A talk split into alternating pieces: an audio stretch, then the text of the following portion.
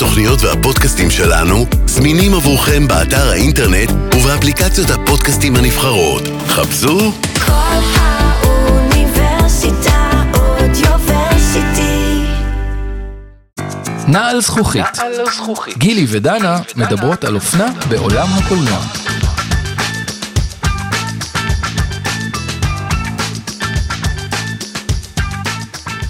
היי, אני גילי, ואני דנה. ואתם מאזינים לפודקאסט נעל זכוכית בכל האוניברסיטה, על כל מה שקשור לתלבושות ואופנה בעולם הקולנוע. מנעל הזכוכית של סינדרלה ועד השטן לובש את פראדה. May I have the envelope, please?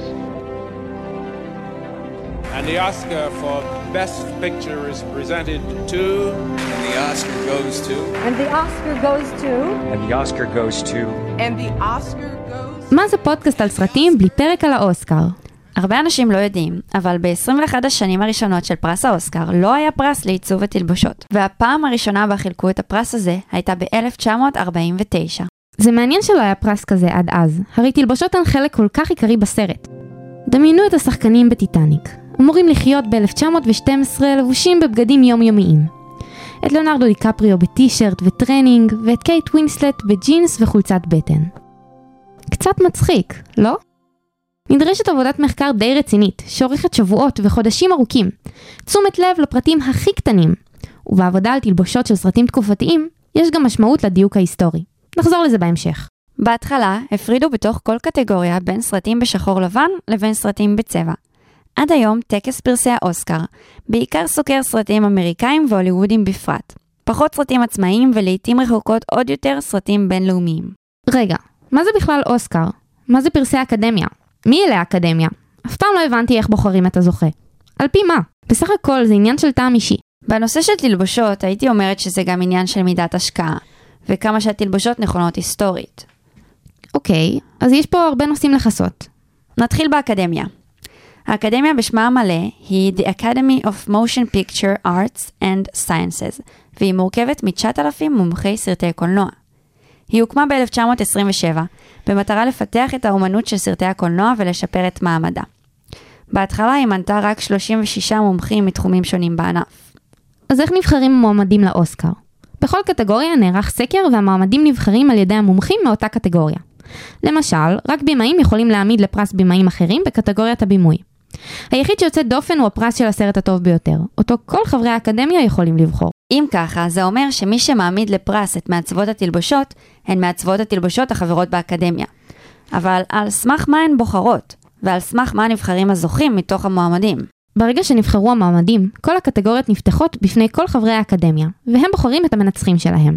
מאז שהתחילו להעניק את הפרסים, הייתה מלכה אחת ויחידה בתחום עיצוב התלבושות, והיא הייתה מועמדת לפרס לא פחות מ-35 פעמים. ואני מדברת כמובן על אדית הד. הד הציבה את הסטנדרט של מה שמעצבות תלבושות שואפות להיות. מישהי שמסוגלת ליצור אופי, נימה ואמינות בסרט רק באמצעות מטרים ארוכים של בד וסרט מדידה. אחד הדברים שאפיינו את העיצובים של הד הוא היופי שלהם, הזוהר, תלבושות שהקהל לא היה יכול אפילו לדמיין ולפנטז על ללבוש. והדבר הזה נשאר נכון עד היום במועמדויות. נדמה שהתלבושות שזוכות למועמדויות וסיקור תקשורתי הן התלבושות היפהפיות, המנצנצות, הזוהרות, שלא היינו אפילו מדמיינות ללבוש. בתקופה ההיא, מעצבי אופנה השתמשו בחדשנות של עולם הקולנוע. הם הלבישו את השחקניות ההוליוודיות המפורסמות וקיבלו הכרה בזכותן, ומה שהיה באופנה היה מה שהשחקניות לבשו. אבל נוצרה בעיה למעצבי התלבושות בסרטים. מה שהיה באופנה בזמן צילום הסרט לא היה כל כך חדשני ומיוחד כשהסרט יצא. והם היו צריכים ללמוד איך לחזות את האופנה. הבגדים היו צריכים לא רק להיות באופנה בזמן הצילום, אלא גם כמה חודשים אחרי יציאת הסרט. לכן הם הגדירו את עצמם כמעצבי תלבושות וגם מעצבי אופנה. בסוף שנות ה-20 התפקיד של מעצבי התלבושות נהיה כל כך חשוב ולסטודיואים הגדולים היו מחלקות תלבושות ענקיות עם צוותים שהגיעו גם ל-65 אנשי צוות רק בתחום ההלבשה. זה גרם לאמריקה להיות על המפה בכל מה שקשור לאופנה. כשעד אז האופנה הוכתבה מפריז על ידי אוט קוטור צרפתי, וכל מי שרצה לעסוק באופנה היה צריך לעבור דרך פריז ולהיות כפוף לטרנדים. תקופת הזוהר של הוליווד הייתה באותה התקופה של שנות ה-30. וזה מעניין, כי זו הייתה התקופה של השפל הגדול. אחרי נפילת הבורסה באמריקה, שנות ה-30 היו שנים קשות מאוד בעולם, אבל בעיקר בארצות הברית. והקולנוע סיפק אסקפיזם או בריחה מסוימת שהייתה נחוצה. אדית הד עשתה שינוי חשוב בתחום. כי היא גרמה לאופנה עילית להיות משהו שאפשר ללבוש אותו ולראות אותו ביום-יום. זה הוביל אותה לפילוסופיה הבסיסית שלה, של לגרום למשהו להיראות מודרני מבלי לקשור אותו לאיזשהו טרנד עכשווי. היא הבינה שהאופנה בסרטים היא לא המטרה, אלא שהמטרה היא לספר סיפור דרך הבגדים. בין אם זה סרט מציאותי, סוריאליסטי, אבסורדי או פורמלי.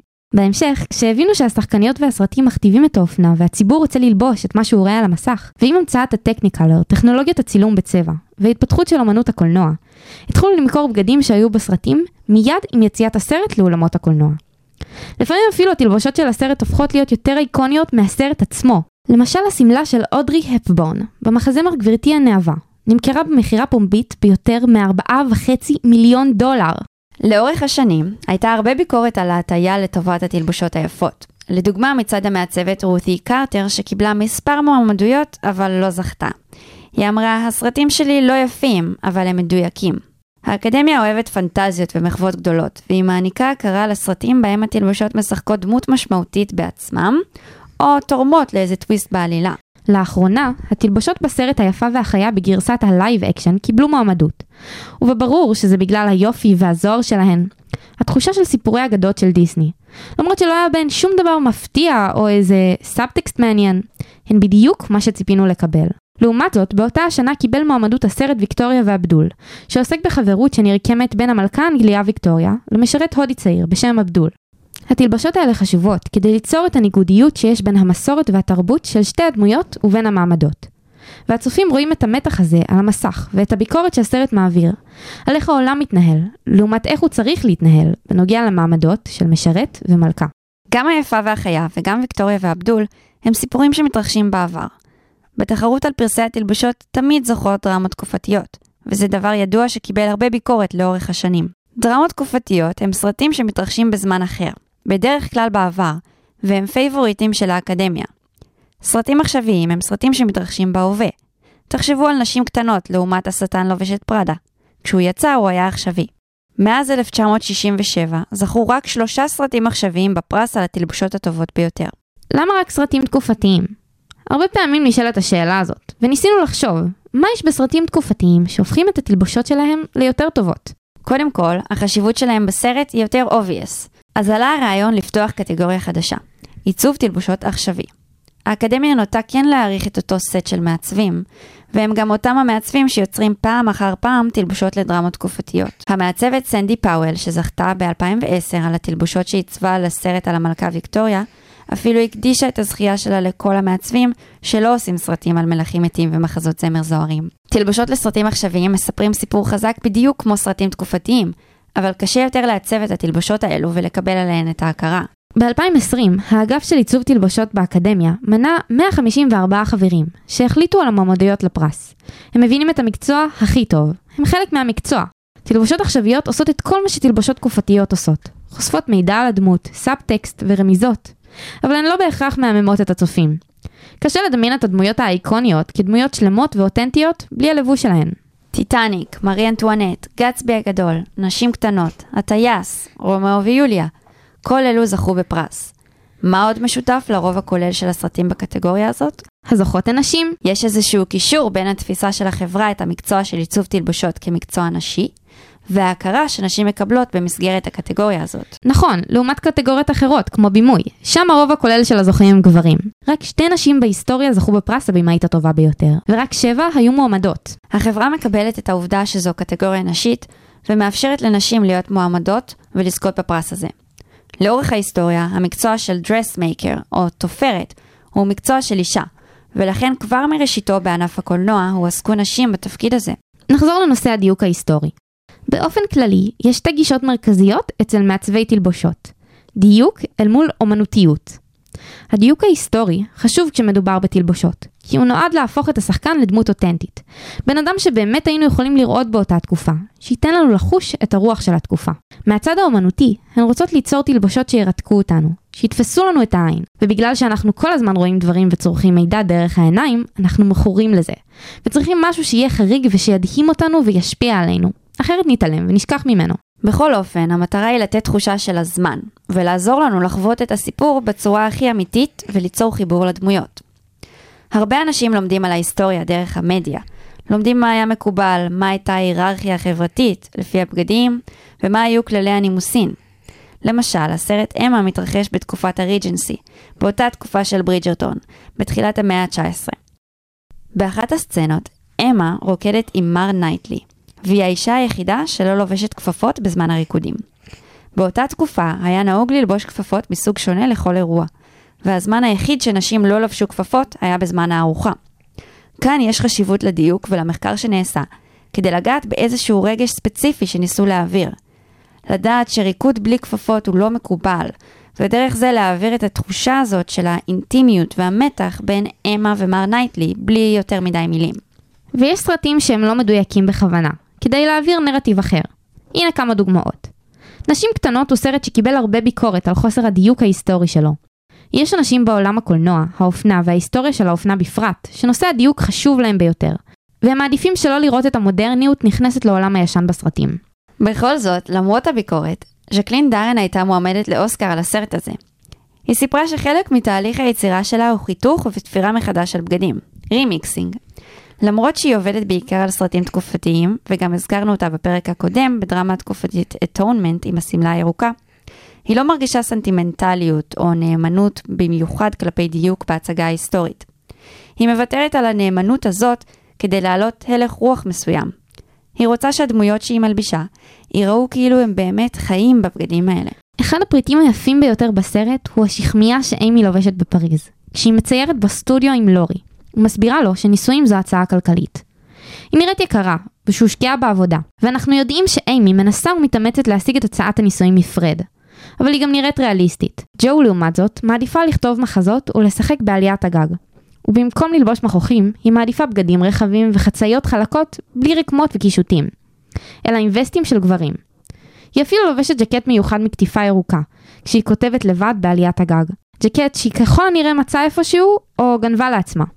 ג'ו מעדיפה להיות לבושה כמו בן, מאשר להיות האישה של מישהו. במהלך הסרט אפילו יש תלבושות של לורי וג'ו מחליפים ביניהם, מה שמדגיש את הקשר העמוק שלהם ואת הכמיהה וההשתוקקות של ג'ו לעבור את מגבלות המגדר והמגבלות החברתיות של אותה תקופה. חוץ מזה, דארה נתנה המון חופש לשחקנים ללבוש את התלבושות בסגנון שלהם, ואפשרה להם להביע את עצמם איך שהם רוצים. חלק מהמשימה שלה הוא לגרום לבגדי וינטג' להיות מותאמים לצופה המודרני. התלבושות שלה הציגו הרבה יותר צבע מהתלבושות שנראות בדרך כלל בסרטים מהתקופה, וקיבלו על זה הרבה ביקורת. אבל היא אומרת שהיא באמת חושבת שהוויקטוריאנים, אנשי התקופה ההיא, היו הרבה יותר צבעוניים מאשר אנחנו נוטים לחשוב. נלך אפילו יותר רחוק בהיסטוריה.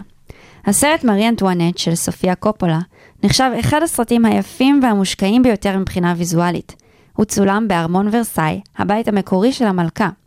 ומעצבת התלבושות מילנה קנורו זכתה בפרס אוסקר על התלבושות הכי טובות, ולמרות זאת, קופולה קיבלה המון ביקורת על הסרט לגבי הדיוק ההיסטורי ואיכות המידע שהוא נתן. כשהתחילה לחשוב על לעשות את הסרט, היא לא באמת הכירה את הסיפור. ואז היא קראה ספר על המסע שמרי אנטואנט עברה בחייה, והבינה שהיא בסך הכל הייתה ילדה בגוף של מלכה. היא החליטה לספר את הסיפור בצורה יותר אנושית, בצורה של סיפור אישי. כמובן שהנקודת מבט הזאת של הבמאית משתקפת גם בתלבושות. פחות דגש על דיוק היסטורי ויותר דגש על הרגש שהיא מנסה להעביר. לאורך כל הסרט, המלכה לבושה בצבעי פסטל. צבעים ילדותיים, לבן, ורוד, סגול ותכלת. היא בעצם ילדה או נערה מתבגרת שלא יודעת כלום על איך לשלוט במדינה. ובמקום זאת, היא מארגנת את המסיבות הכי גרנדיוזיות ולובשת את השמלות הכי אופנתיות. קופולה כן רצתה לשמור על האותנטיות, היא רצתה שהתלבושות ייראו אמיתיות. שיקחו אותנו כצופים לעולם אחר, אבל היא העדיפה לבחור פריטים שנראים בעיניה טוב יותר, גם אם הם הומצאו כמה שנים מאוחר יותר. היא אפילו הלכה צעד קדימה ושתלה נעלי אולסטאר בפריים, ברקע של מונטאז' בו רואים את מרי אנטואנט מודדת נעליים. בסופו של דבר, קופולה צודקת. רוב הצופים לא באמת ישימו לב לאי הדיוקים הקטנים, אלא ירגישו את התחושות שהיוצרים של הסרט ניסו להעביר, וזה כל מה שחשוב. כל התלבושות שהזכרנו בפרק מופיעות באינסטגרם שלנו, glasslippers.pod. וכאן נסיים את הפרק שלנו להיום. תודה שהאזנתם. ביי!